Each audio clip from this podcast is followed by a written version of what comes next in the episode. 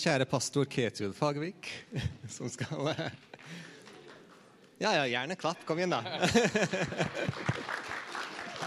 ja. Så bra. Så Ketil, jeg vil bare be for deg. Um, Gud velsigne Ketil. Jeg takker deg, Gud, for at du er med oss her. Jeg takker deg, Gud, for at du har lagt så mye godt på Ketil sitt hjerte. Så gleder vi oss til å høre fra han. Be om du velsigne hans ord, velsigne hans tanker og velsigne flyten i alt han skal si, Gud. Jeg ber om at du rører ved oss eh, ved det Keto sier nå. Amen. Ja, far, vi takker deg for at du har elska oss med en evig kjærlighet. Vi takker deg for at du som er himmelens og jordens skaper, du som er den veldige guden, du er den som også elsker oss og har sendt oss din sønn. Du har vist oss din kjærlighet i Jesus Kristus, som døde for oss. Og så har du gitt hver og en av oss som følger deg, Jesus, din ånd, som gjør at du er helt tett innpå. Og du er i oss, og du virker i oss, og du virker gjennom oss. Og vi ber om at du skal velsigne den enkelte i sin ånd i dag. Um, jeg ber om at ditt ord skal skape vekst i oss. At det skal eh, bli til liv, at det skal få dype røtter i oss, og at vi skal få bære frukt. Så ber meg at ord som ikke er fra deg, skal falle død til jorden, men at ditt ord skal bære frukt i oss. Amen. Takk for applaus på forhånd. Det er et bra utgangspunkt. Da trenger jeg ikke å prøve å, å jobbe for applaus til slutt. Um,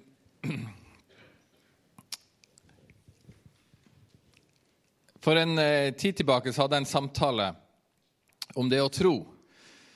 Om det å bekjenne seg til Jesus. Um, det handler om å være bra nok for å bli godtatt som god nok. Om å være en bra person, et bra menneske, var noe av temaet i samtalen jeg hadde med en person.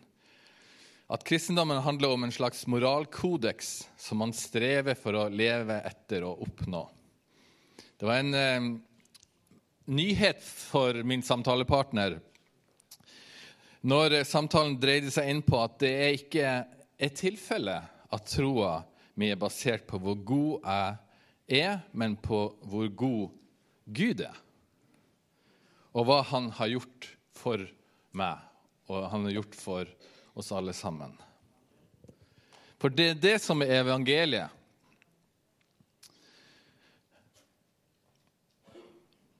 Men jeg tror fortsatt at mange av oss sliter med å forstå evangeliet alltid. For mange av oss tror eller vi lever som om det er vår egen kraft som avgjør om vi blir godkjent av Gud eller ikke.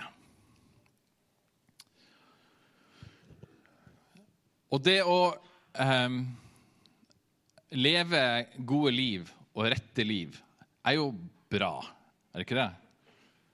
Det er vanskelig å det, det er liksom tricky å spørre retoriske spørsmål i en forsamling. For du, du sitter og lurer er det et lurespørsmål. Skal jeg si ja eller nei?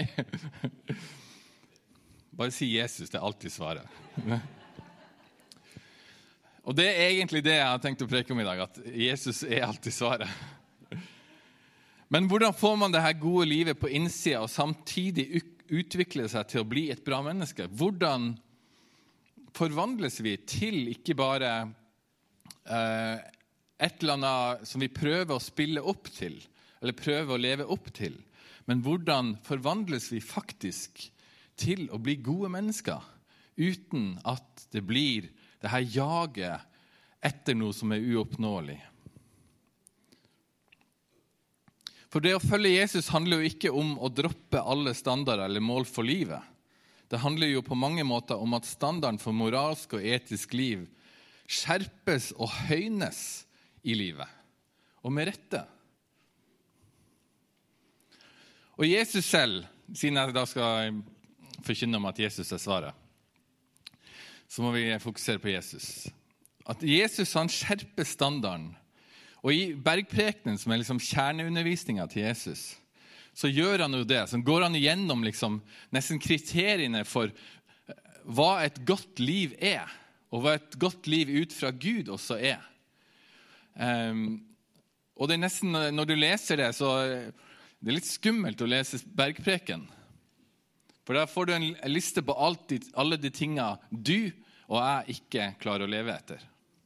Og Du kan bare begynne å skrive ned i dagboka di at OK, Gud, jeg tror jeg trenger hjelp. Og så avslutter han med lignelsen om, i bergprekenen om eh, de som bygger huset sitt på sand eller på fjell. Og så sier han det her. Men hver den som hører disse mine ord, og gjør det de sier, ligner en klok mann som bygde huset sitt på fjell. Så Jesus forventer av oss som har lest bergprekenen, at vi lever det som står der. Men hvordan henger det da sammen med at livet mitt ikke handler om å leve etter liksom bud og regler og oppnå dette målet? Jo, nå skal jeg fortelle dere det. Forhåpentligvis kan vi sette litt lys på det. Og løsninga, eller budskapet, er jo at hele, hele svaret ligger i at Gud er god. Og Gud har i sin godhet lagt en plan for å redde oss ut fra vår egen tilkortkommenhet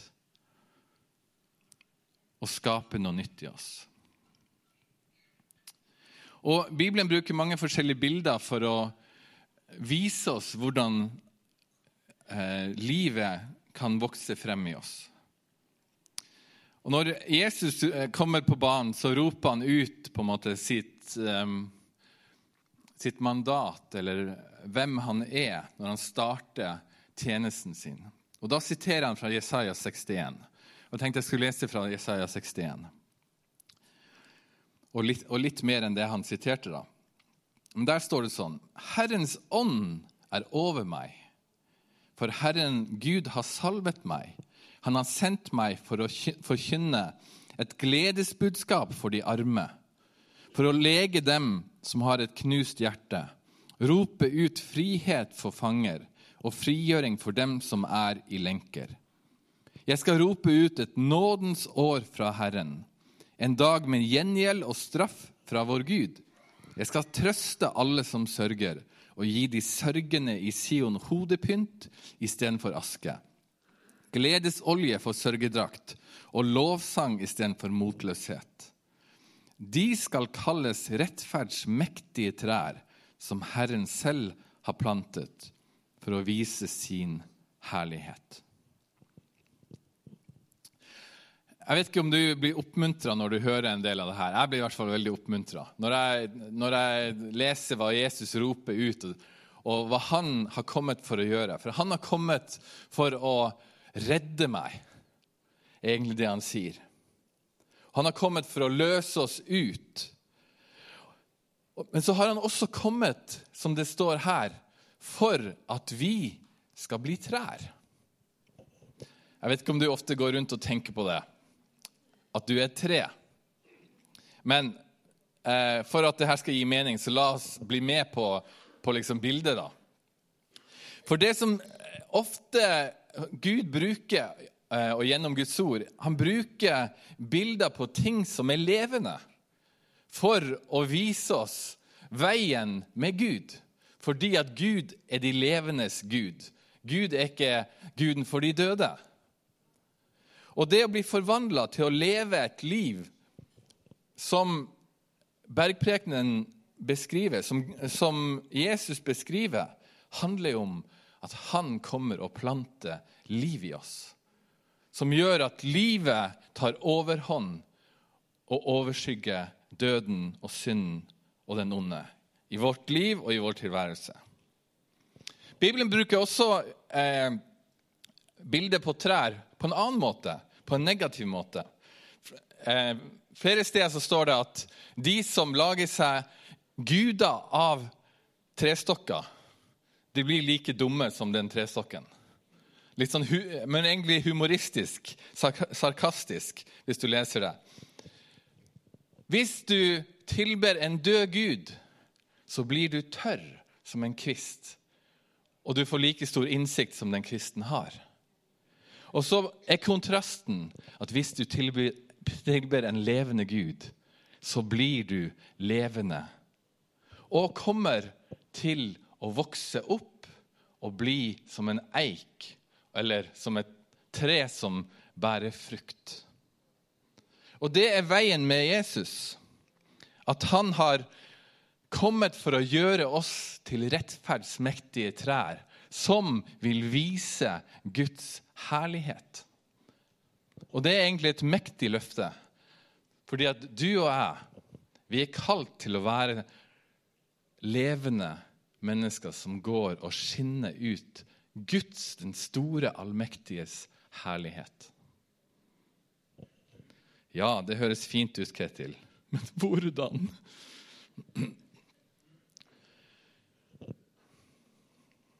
Så hvordan lever vi liv som gir god frukt, når Han har kalt oss til å være bærere av Hans herlighet og skinne ut av Guds skjønnhet og kraft? Det er ganske store ting. Jeg vet ikke om du sto opp i morges og tenkte og så deg i speilet Yes, Guds herlighet. Jeg må innrømme at det kanskje ikke var det som slo meg med første øyekast. Men det er det som er Guds plan og Guds frelsesverk i oss. Han redder oss for å vokse oss opp til å være stadig eh, mer i stand til å bære Hans herlighet, Hans skjønnhet, Hans kraft i livet vårt. Rett og slett å bli forvandla til å bære frukt. Så hvordan lever vi liv som gir god frukt, som gjør at vi forvandles og få være med og gi forvandling ut fra våre liv?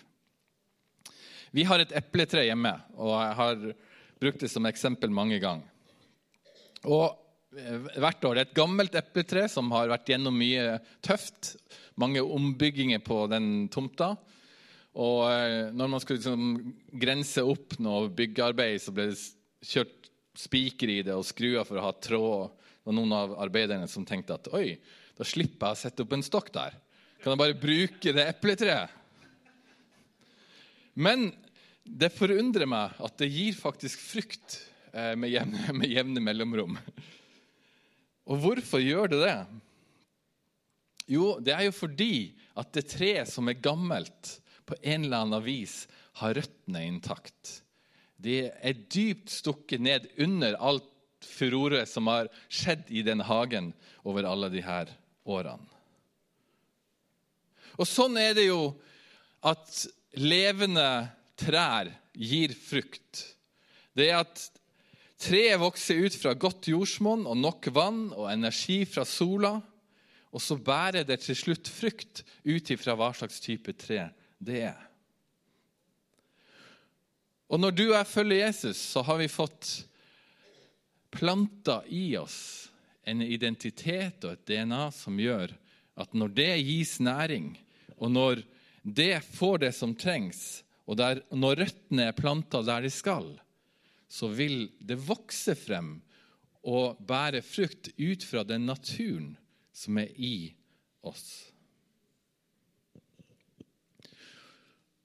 Og da vil jeg si å være kristen, det er å være små Kristuser. Det er å være i Kristus. Paulus sitt favorittbegrep på mange vis er jo 'i Kristus'. Han gjentar det igjen og igjen og igjen og igjen. At vi er i Kristus. Vi er kalt til å være i Kristus. Så når jeg spøker med at svaret alltid er Kristus, så er det egentlig det. Svaret er alltid, Men det kan bli litt sånn her flosklete. Men det er faktisk, når vi forstår innholdet i det, at vi skjønner at vi er kalt til et liv og ikke til et regime. Det å være i Kristus det vil si å være helt avhengig av ham i alt og at han har blitt min rettferdighet. Og det å få åpenbaring eller forstå at Kristus har blitt min rettferdighet, er hele grunnlaget for å kunne leve et liv der hans liv i frihet får ta over og vokse i meg og forvandle meg.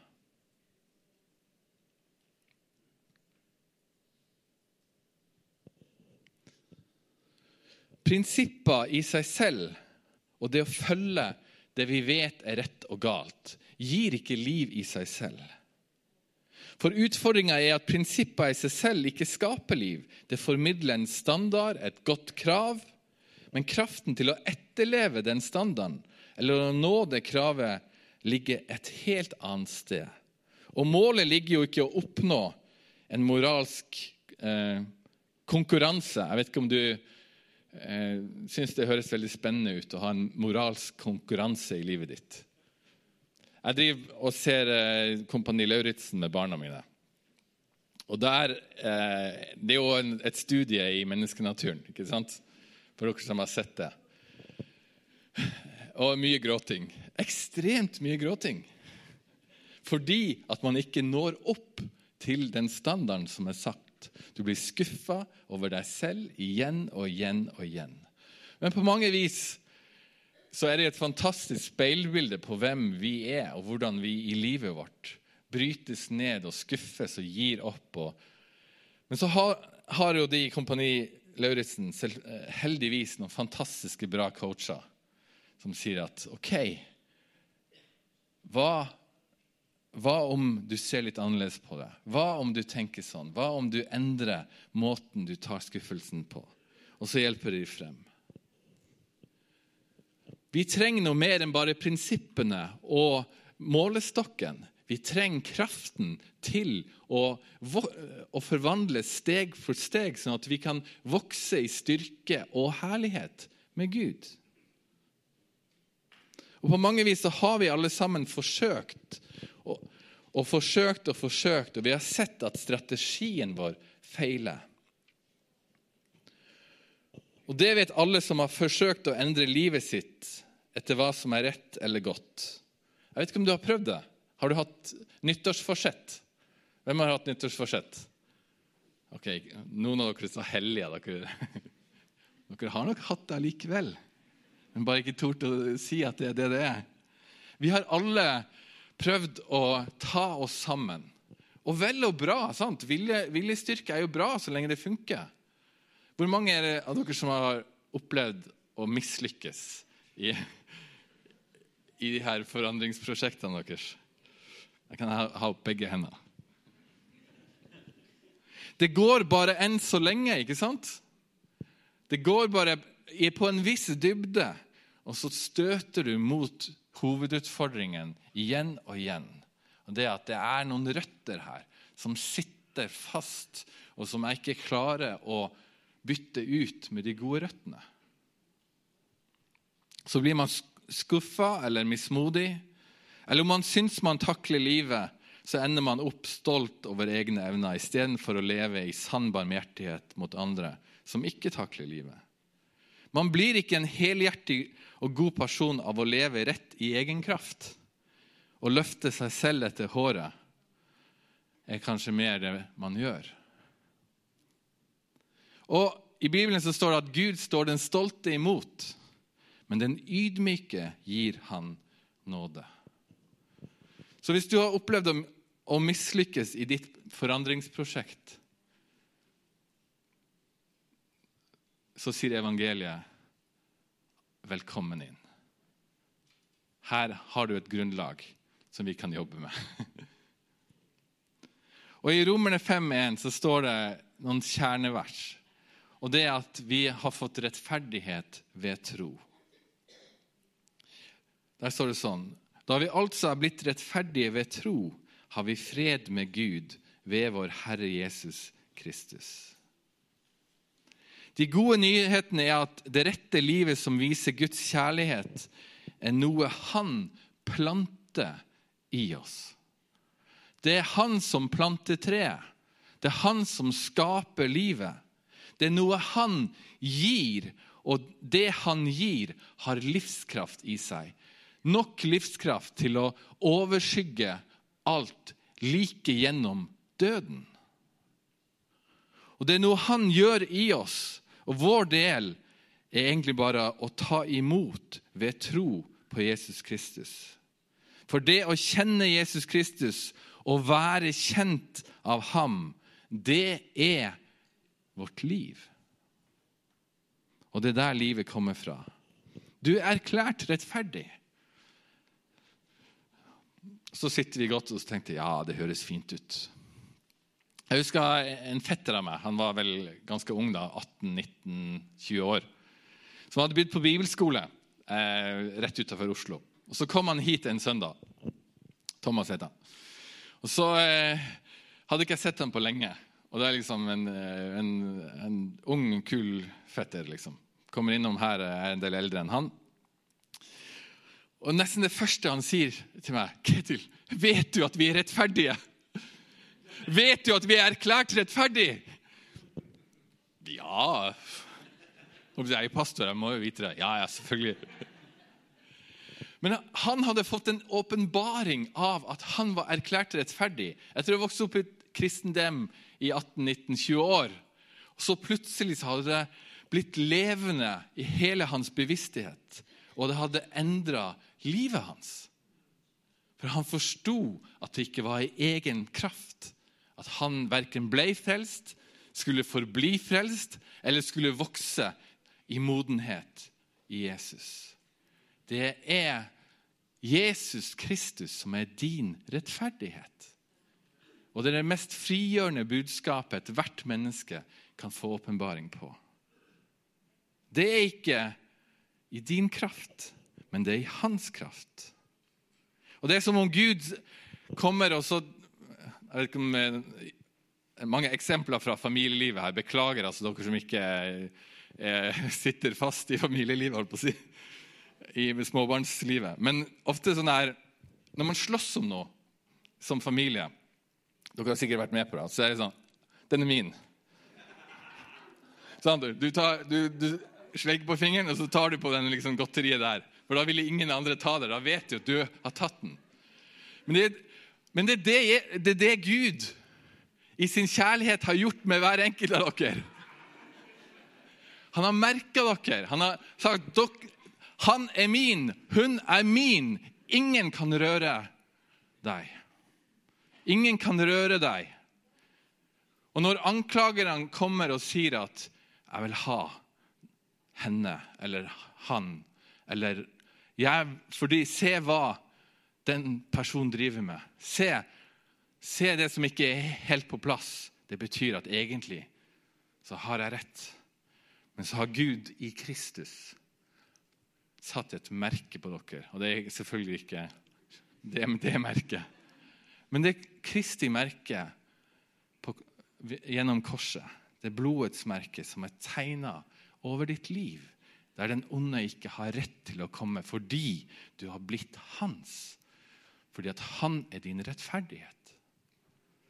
Når han rop, roper ut 'Jeg skal sette fangene fri', hva gjør han? Han setter deg fri, sånn at lenkene ikke lenger kan komme og lenke deg fast. Og hvis grunnlaget er der, så må også resten av livet leves der.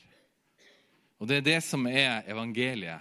Det er ikke bare en begynnelse, men det er et helt liv av vekst og forvandling og modenhet og frukt. På grunn av det han har gjort, og på grunn av det han gjør. På det grunnlaget så har han kommet og planta et tre i mitt liv som skal vokse mer og mer og bære mer og mer frukt i mitt liv. Derfor er det så viktig å se rekkefølgen i hvordan Gud jobber i våre liv. For Vi må være e- enige om at det å bli forvandla til bedre folk, det er ikke negativt. Jeg vet ikke, Det å gi opp i egen kraft betyr ikke at du syns det er kjipt å være en rettskaffen fyr eller dame. Eller? Nei? Det er bra å være bra. ikke? Det er bra å leve rett. sant? Det er bra å ikke snyte på skatten, liksom. Ja, kanskje ikke skatten. Ok, men det er bra å ikke liksom fike til folk rundt deg. Skal vi begynne på det nivået, liksom? Løgn, er det, er det bra? Nei. Ok, Bra vi er enige i hvert fall om at det å, det å leve rett gir god, god frukt. for, for livet og for skaperverket. Vi har et mandat, vi er kalt til å råde over skaperverket. Og, og ser du rundt i verden, så er jo hovedproblemet at folk, deg og meg, vi ikke er like gode som Gud i å råde over skaperverket. Vi bruker det til egen vinning, vi bruker det for egen forlystelse og vår egen makt og vår egen, eget begjær og alt mulig. Sant? Vi ødelegger det vi er gitt til å forvalte. Så verden roper etter godhet og rettskaffenhet, rettferd, sannhet, kjærlighet som rommer alt. sant? Men for å komme dit og vokse og bli de her rettskaffende rettferdstrær, så må vi vite hvor det starter hen, og hva som det bygger på. For du klarer ikke å bli det i egen kraft. Da ender du heller opp med å ødelegge både deg selv og andre rundt deg. Og livet i Kristus handler egentlig om livet i Den hellige ånd. Kristus sitter på Guds høyre hånd på, på, på tronen. Um, men han har gitt oss Ånden, den iboende Kristus. Den iboende Jesus.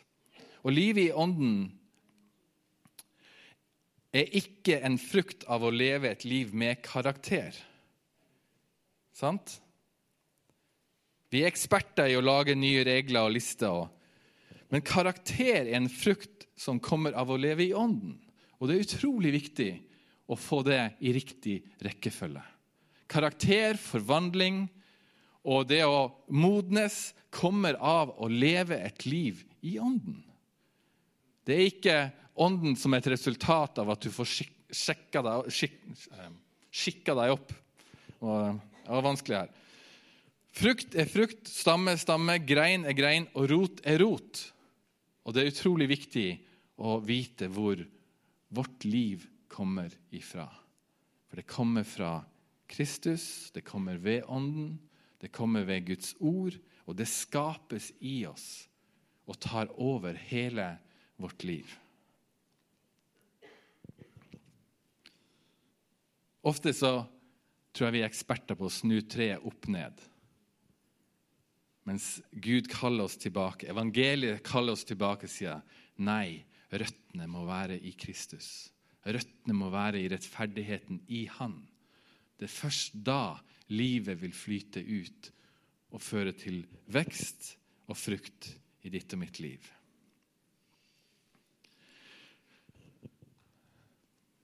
Jeg må bare sjekke tida her. Å, Gud hjelpe meg. Jeg får ta litt til, skal jeg gå til avslutning.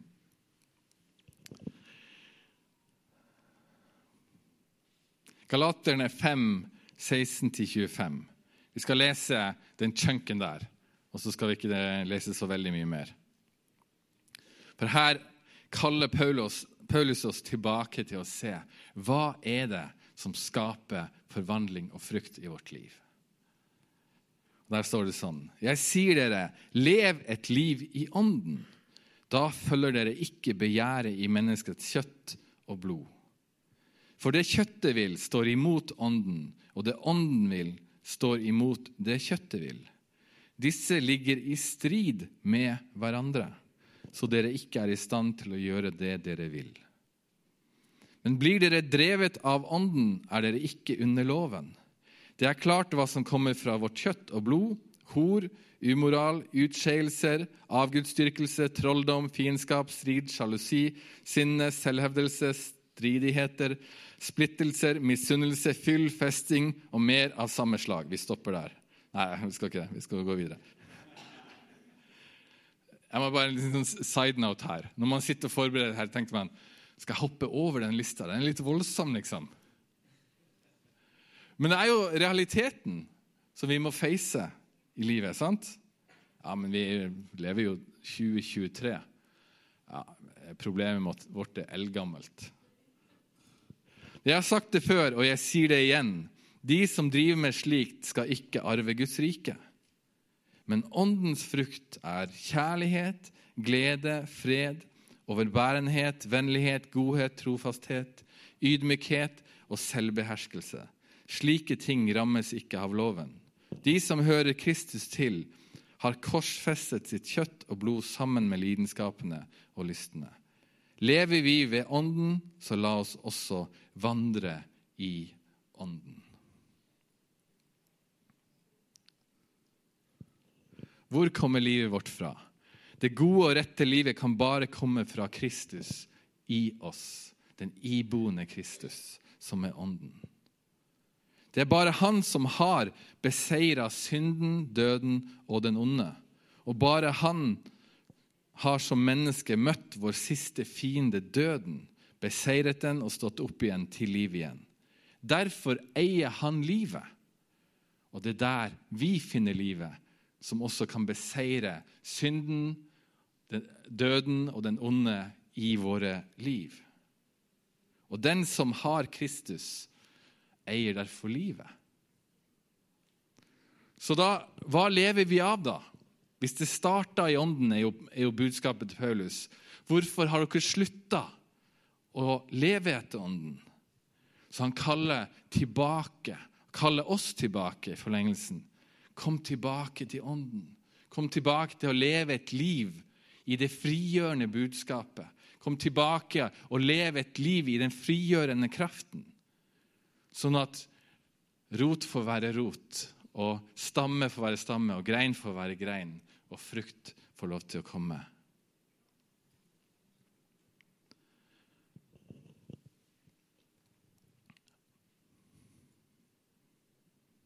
I 1. Korinterbrev 2, 9-11 så står det sånn.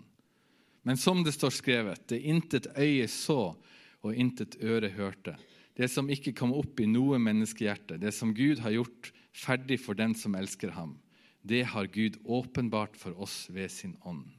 For ånden utforsker alle ting, også dybdene i Gud. Du, kall, du og jeg kalles inn til å utforske dybdene i Gud ved ånden. Vi har fått tilgang til noen røtter som gjør at livet vårt får tilgang på det dypeste i universet. Som det står andre steder, som at engler lengta etter å få innsikt i. Evangeliet om denne frigjørende kraften som kom i Kristus, og som er gitt deg og meg ved Den hellige ånd. Og Det er et frigjørende budskap at du og jeg kan få lov til å leve i og av Den hellige ånd. Og Dersom vi lever ved Den hånd, så la oss også vandre i Den hellige ånd. Det er mye mer av det her som jeg ikke kan ta i dag, selvfølgelig. For nå har jeg tatt uh, en god chunk. Så jeg skal gå til avslutning her nå. Men jeg tror det her handler om at du og jeg, vi er alle sammen der. At vi kjemper med forvandling i livet vårt. Jeg vet, jeg vet ikke om du er en som bare opplever bare liksom flyter på seier og seier og seier i livet ditt. Hvis du er det, så gratulerer. Jeg vil snakke med deg etterpå, så du kan forklare hva ikke jeg har forstått. Men det som jeg tenker vi som, vi som menighet ønsker, det er å gå en vei sammen der vi oppmuntrer hverandre, og der vi hjelper hverandre, og der vi forkynner det her budskapet om at det finnes en kraft og en frihet som vi alle kan få lov til å leve i ved Den hellige ånd. Um, og på mange vis, når vi er eh, etterfølgere av Jesus, så er det jo sånn at mesterens vei er også din og min vei. Det handler om etterfølgelse av Kristus. Det er han som leder oss frem, fordi at han allerede har nådd igjennom. Og du tenker, ja, men Hva er applikasjonen? Hvordan, hvordan lever vi i Ånden? Um, og Det er jo noe som må vokse og læres og utvikles gjennom hele det kristne livet. er det ikke det?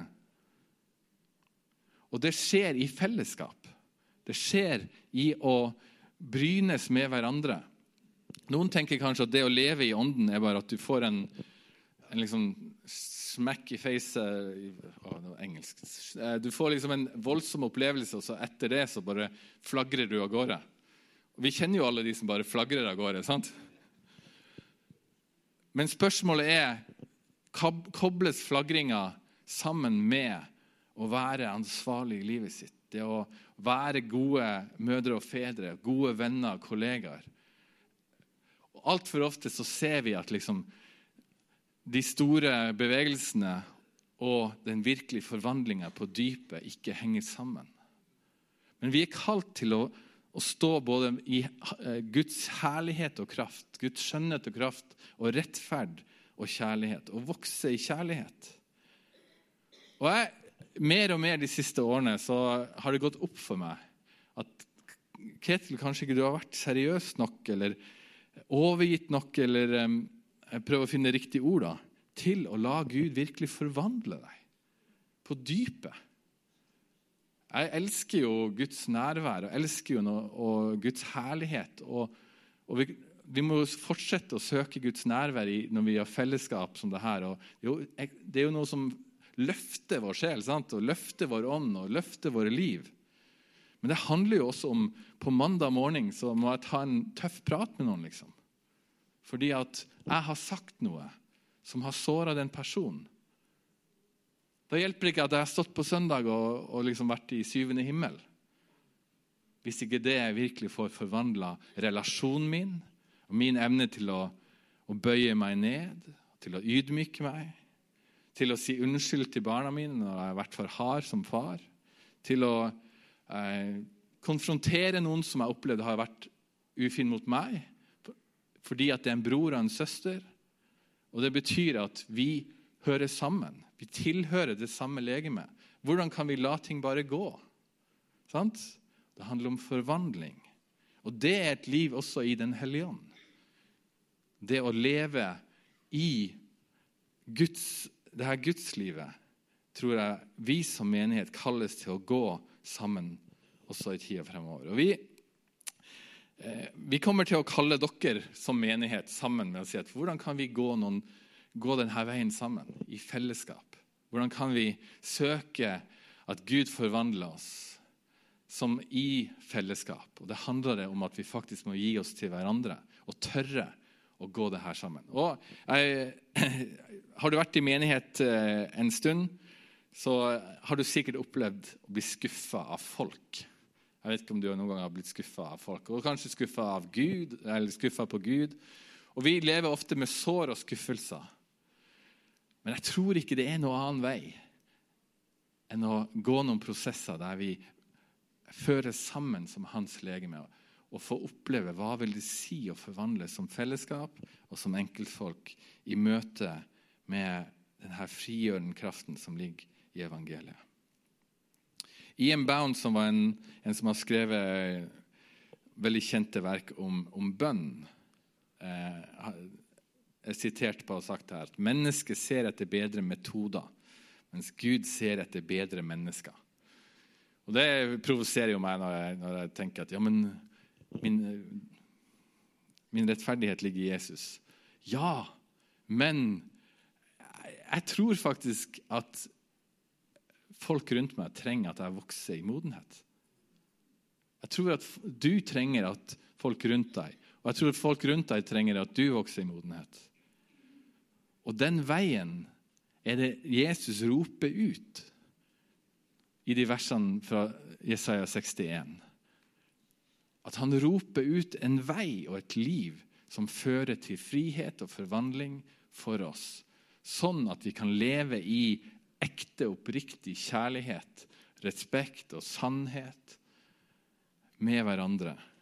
Og se at de her fruktene som galaterne snakker om, er faktisk noe som naturlig kommer av det livet vi lever i fellesskap og med Den hellige ånd.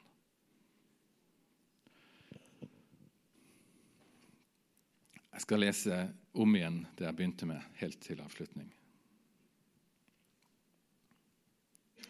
Jesaja 61. Herrens ånd er over meg, for Herren Gud har salvet meg. Han har sendt meg for å forkynne et gledesbudskap for de arme, for å lege dem som har et knust hjerte, rope ut frihet for fanger og frigjøring for dem som er i lenker. Jeg skal rope ut et nådens hår, år. Nådens hår. Det er sånn flagrende fint eh, blondt hår. Jeg skal rope ut et nådens år. Jeg må bare si, ja, Mange sidesprang her. altså. Jeg er 49 år, så jeg er mitt 50. år. Det er jo jubileumsåret. Så det er egentlig det han eh, roper ut. Jubileumsåret. Nådens år. Så jeg lever meg veldig inn i det her. Jeg skal rope ut et nådens år fra Herren og en dag med gjengjeld og straff fra vår Gud. Jeg skal trøste alle som sørger, og gi de sørgende i Sion hodepynt istedenfor aske, gledesolje for sørgedrakt og lovsang istedenfor motløshet. De skal kalles rettferdsmektige trær, som Herren selv har plantet for å vise sin herlighet. Og Her ser vi at det handler om frigjøring, det handler om frihet, men det handler også, om rettferdighet. At de svake og de som, ikke, de som har blitt undertrykt, de blir løfta opp. Det handler om et helt evangelium. Det handler om gode nyheter for oss alle sammen. Amen. Så svaret på spørsmålet er Kristus. I Kristus. Jeg ber en bønn. Kjære far. Um, tenk at vi får lov til å kalle deg far. Tenk at vi får lov å kalle deg pappa. Himmelens og jordens skaper, du som ser all urett som skjer. Du som ser alt det forferdelige som har skjedd gjennom historien, og som skjer i dag. Du som ser eh, det som ikke er helt greit i mitt liv heller. Allikevel så får jeg lov til å rope 'pappa, far' til deg. Fordi at du har planta noe i mitt indre ved din ånd, som gjør at jeg får være ditt barn. Som gjør at jeg får lov til å vite at du har merka meg, og du oppdrar meg, du forvandler meg, du gir meg kraft. For at jeg skal få lov til å bære mer og mer av din herlighet. Og få lov til å være retts, rettsferdsmektig tre som får lov til å vise din herlighet. Og Far, vi ber for vår forsamling og oss som menighet. Vi ber om at du skal føre oss dypere inn på den veien av forvandling. Sånn at vi får se at vi får bære rik frukt for deg. Som enkeltmennesker, men også som fellesskap, som menighet i byen vår. At folk kan komme og plukke den frukten og bite i den og spise av den og kjenne ah, det her kommer fra et annet sted. Det her kommer fra en annen verden. Det her kommer fra Den hellige ånd.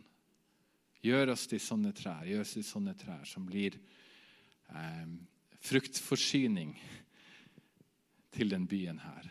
Til familiene våre, til sammenhengene våre, til venner vennene våre, til studiesteder og, og jobber. Der folk får berøring med ditt rike og bare lengter. Det vekkes en lengsel etter det som er rett, det som er edelt, det som er verdt å akte på, det som er frigjørende, og det som er dypt, dypt forankra i din kjærlighet. Jeg ber ham som en bønn over oss. Du, og du må gjøre det ved din ånd, ikke ved makt eller kraft, men ved din ånd. For det er der friheten ligger, far. Vi priser og takker deg for det, at du har gitt oss din ånd. Du har tømt den i våre hjerter. Du salver oss med din ånd, og du eh, rettleder oss ved din ånd. Og du gir oss å leve ved din ånd. Amen.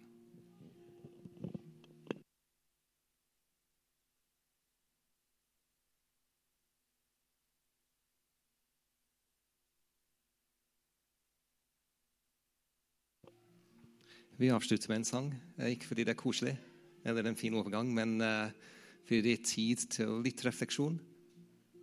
Til å søke Gud litt og kjenne på de ordene Gud har lagt på hjertet ditt i dag. Hvis du ønsker forbønn, så har vi forbønnsteam som sitter borti det hjørnet helt der borte. Eller så ta tak i noen du stoler på, um, og be sammen. Det er en fin måte, fin ting å gjøre. Så vær så god, Kristian.